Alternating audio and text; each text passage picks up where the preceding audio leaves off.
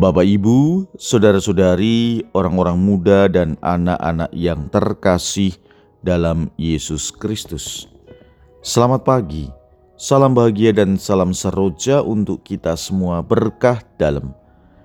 Bersama dengan saya, Romo Antonius Garbito Pambuaji menyampaikan salam dan berkat Allah yang Maha Kuasa dalam nama Bapa dan Putra dan Roh Kudus. Amin. Hari ini Sabtu 9 April dalam hari biasa Pekan Prapaskah kelima. Bacaan pertama dalam liturgi hari ini diambil dari kitab Yeskel bab 37 ayat 21 sampai dengan 28. Bacaan Injil diambil dari Injil Yohanes bab 11 ayat 45 sampai dengan 56. Banyak di antara orang-orang Yahudi yang datang melawat Maria dan yang menyaksikan sendiri apa yang telah dibuat Yesus terhadap Lazarus percaya kepadanya. Tetapi ada yang pergi kepada orang-orang Farisi dan menceritakan kepada mereka apa yang telah dibuat Yesus itu. Lalu imam-imam kepala dan orang-orang Farisi memanggil mahkamah agama untuk berkumpul. Mereka berkata, "Apakah yang harus kita buat? Sebab orang itu membuat banyak mujizat. Apabila kita biarkan dia, maka semua orang akan percaya kepadanya, lalu orang-orang Roma akan datang dan merampas tempat suci kita." Serta bangsa kita. Tetapi seorang di antara mereka yaitu Kayafas, imam besar pada tahun itu berkata kepada mereka, "Kamu tidak tahu apa-apa, kamu tidak insaf bahwa lebih berguna bagimu jika satu orang mati untuk bangsa kita daripada seluruh bangsa kita ini binasa." Hal itu dikatakan Kayafas bukan dari dirinya sendiri, tetapi sebagai imam besar pada tahun itu ia bernubuat bahwa Yesus akan mati untuk seluruh bangsa, bukan untuk bangsa itu saja, tetapi juga untuk mengumpulkan dan mempersatukan anak-anak Allah yang tercerai berai. Mulai dari hari itu mereka sepakat untuk membunuh dia. Karena itu Yesus tidak tampil lagi di muka umum di antara orang-orang Yahudi. Ia berangkat dari situ ke daerah dekat padang gurun, ke sebuah kota yang bernama Efraim. Di situ ia tinggal bersama murid-muridnya. Waktu itu hari raya Paskah orang Yahudi sudah dekat dan banyak orang dari negeri itu berangkat ke Yerusalem untuk menyucikan diri sebelum Paskah itu. Mereka mencari Yesus dan sambil berdiri di dalam bait Allah, mereka berkata seorang kepada yang lain, "Bagaimana pendapatmu? Akan datang jugakah ia ke pesta?" Demikianlah sabda Tuhan. Terpujilah Kristus.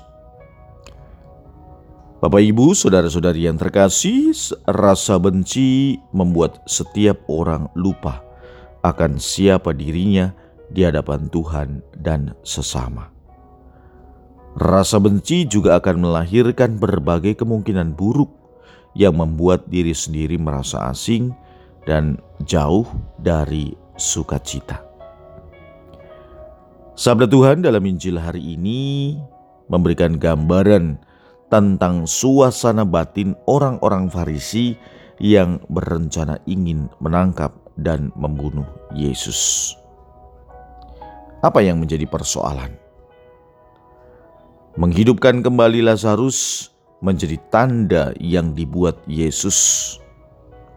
Akan tetapi, tanggapan orang Yahudi tetap terbagi dua ada yang mulai percaya kepadanya, tetapi ada pula yang tidak percaya. Dan yang tidak percaya ini datang melaporkan mujizat itu kepada kaum Farisi dan mahkamah agama. Kasus Lazarus menjadi kasus besar. Mungkin segera menjadi isu keamanan nasional apa yang dibuat oleh Yesus membuat mereka berpendapat bahwa kepiawaian dan popularitas Yesus harus segera dihentikan.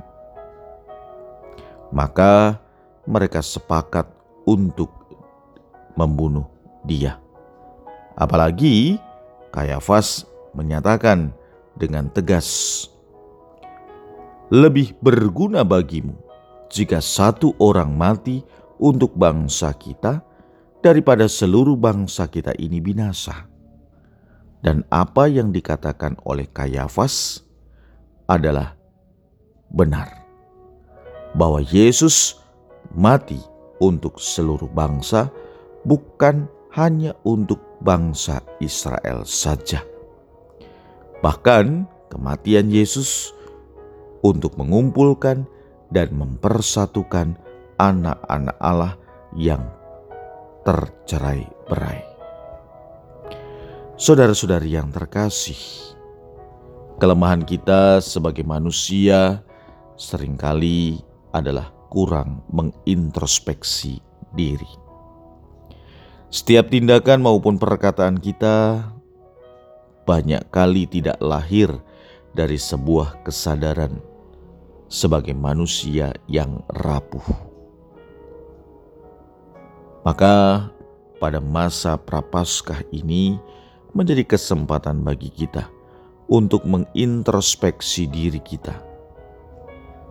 Apakah kita sungguh menyadari bahwa Yesus datang untuk menyelamatkan kita, untuk membuat kita yang tercerai-berai ini bersatu, karena kita adalah anak-anak Allah. Masa ini menjadi masa yang tepat untuk melihat diri kita secara lebih mendalam. Allah berbelas kasih, Allah mengampuni. Maka marilah kita datang kepada Dia dan percaya kepadanya bahwa kehadiran Yesus menyelamatkan kita. Dan dengan demikian, kita tidak mempunyai sikap iri hati, benci, tetapi yang ada hanyalah belas kasih dan cinta. Marilah kita berdoa. Tuhan, semoga kami dapat mewujudkan sabdamu hari ini. Bukan rasa benci, iri hati, tetapi mengembangkan cinta dan belas kasih kepada sesama. Berkat Allah yang Maha Kuasa dalam nama Bapa dan Putra dan Roh Kudus. Amin.